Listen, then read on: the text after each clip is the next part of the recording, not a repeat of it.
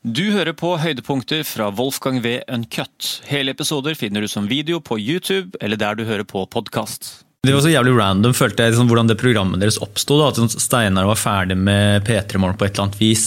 Og Bjarte var vel mer altså, en sånn hu- humorkomikertype? Var han ikke det i P3 Morgen? Jo, han var vel det.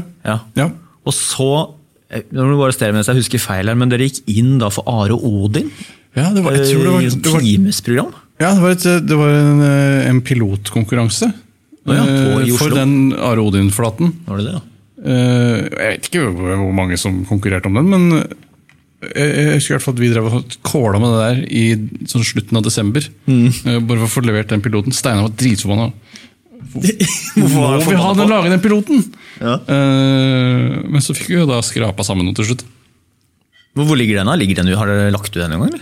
Eh, nei, piloten tror jeg Men jeg tror nok kanskje første episode ligna ganske mye på piloten. Eh, det var veldig mye sånn form, sånn der, noen sånn åpningsstikk, hvor alle Som skulle være sånn parodi på Ja, det var det. Det skulle være en parodi på eh, De hadde en sånn eh, Forbrukerinspektørene hadde en sånn sending hvor de åpningen hvor de film, hvor det var en Steadicam-fyr som gikk mellom alle programlederne, som tisa hva som skulle skje i løpet av programmet. Så skulle vi lage en radioutgave. Jeg bare surrer, egentlig. Det ble bare rart. Men det ble jo, det ble jo program, da. Ja, det gjorde det. I Arodin-flaten. Den populære Arodin-flaten. Klokka ett til to, husker jeg. Ja, vi lagde sånn uh, fake hatmail. Som vi leste på lufta for at du skulle få sympati av lytterne.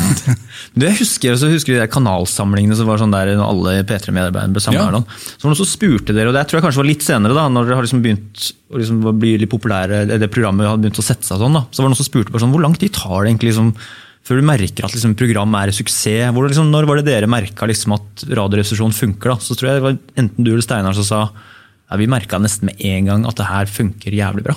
Ja, vi gjorde egentlig det. Ja. Eh, For jeg husker sånn eh, Et sånt um, tegn på at programmet hadde blitt populært da man holdt på i P3, var om man fikk lov å lage livesendinger fra Kvartfestivalen. da, da hadde du lykke. Da bare ok, dette her Eh, Og det tok ofte et par år før man fikk lov til det. Men vi begynte i januar og hadde livesendinger på eh, Kvartfestivalen den samme sommeren. Stemmer det?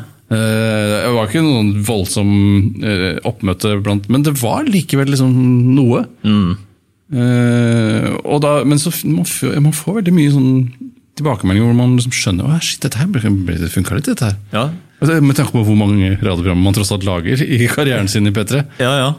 Men Hvor mye husker du av det? Altså, kunne man få sende inn SMS-er på den tida, der, eller var det liksom uh, seinere det kom? Ja, nei, det var jo i 2006. Så det, kunne, det var sånn SMS-system. Ja. Uh, Returia. Uh, tror du det Det er samme dritten der som er der ennå, da. ja, det kanskje er det. Og så, ja, Du kunne sende mail, det var litt keitete, men så det enkleste var å sende SMS. Eh, og, nei, Så det var nok ganske likt som det er nå, bare at vi hadde litt lysere stemmer og var litt høyere energi. og sånn. Men det var, var det ikke jævlig mye drøyere i starten uh, enn uh, altså kanskje fem-seks første årene? Jo, jo, det var nok kanskje det. Eh, var liksom, eller I hvert fall jeg var veldig sånn ubehøvla, og så var det Og så ble jo det litt sånn der, det var viktig å finne karakteren sin når man skulle lage radio med flere aktører. eh, eller TV, for den saks skyld. Ja. Eh, det var mye fokus på det, og da ble det som at jeg ble litt sånn der, stiv, eh, rar og litt sånn eh, ond og frekk type. da.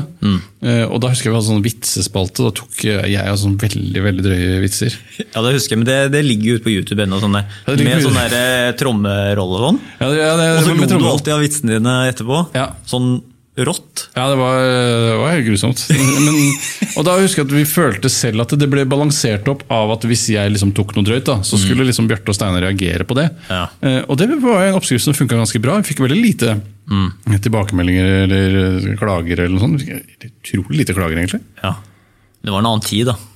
Det var rett og slett en annen tid. Eh, Det må jo ha vært det. Altså, folk ble sikkert like støtt, og sånn, men de holdt vel bare kjeft om det. da. Men liksom, hvor, hvis man ser litt tilbake på hvor lite Hvilke arenaer var liksom folk flest eller liksom krenka hvis folk skulle liksom uh, henvende seg til? Det, liksom, det var jo ikke kanskje en blogg, men liksom ingen som leste blogg på den tida der. Eller hvor, hvor, man liksom- hvor man skulle ja, altså, hvis, nå er det på en måte Hvis man skal lufte frustrasjon nå, Ja. og få virkelig det til liksom tenne antenne i sosiale medier, så har du så mange muligheter. Du har Instagram, Twitter, du har Facebook. Ja. Du har, kan skrive inn til Aftenposten og få det på trykk liksom et par minutter etterpå omtrent. og det er jo Ja, Den der umiddelbarheten husker jeg at jeg det var liksom det første som slo meg da man begynte, når det ble sånn kommentarfelt på VG og Dagbladet. og sånn, Ja. eh, At det, det er jo folk som sannsynligvis ville roa seg nok ned til å ikke sende inn et manuelt leserinnlegg. Ja. Men idet du bare leser saken og fyrer, og så kan du umiddelbart skrive, mm. så er det klart da, da blir det jo ganske stygt. Ja, ja.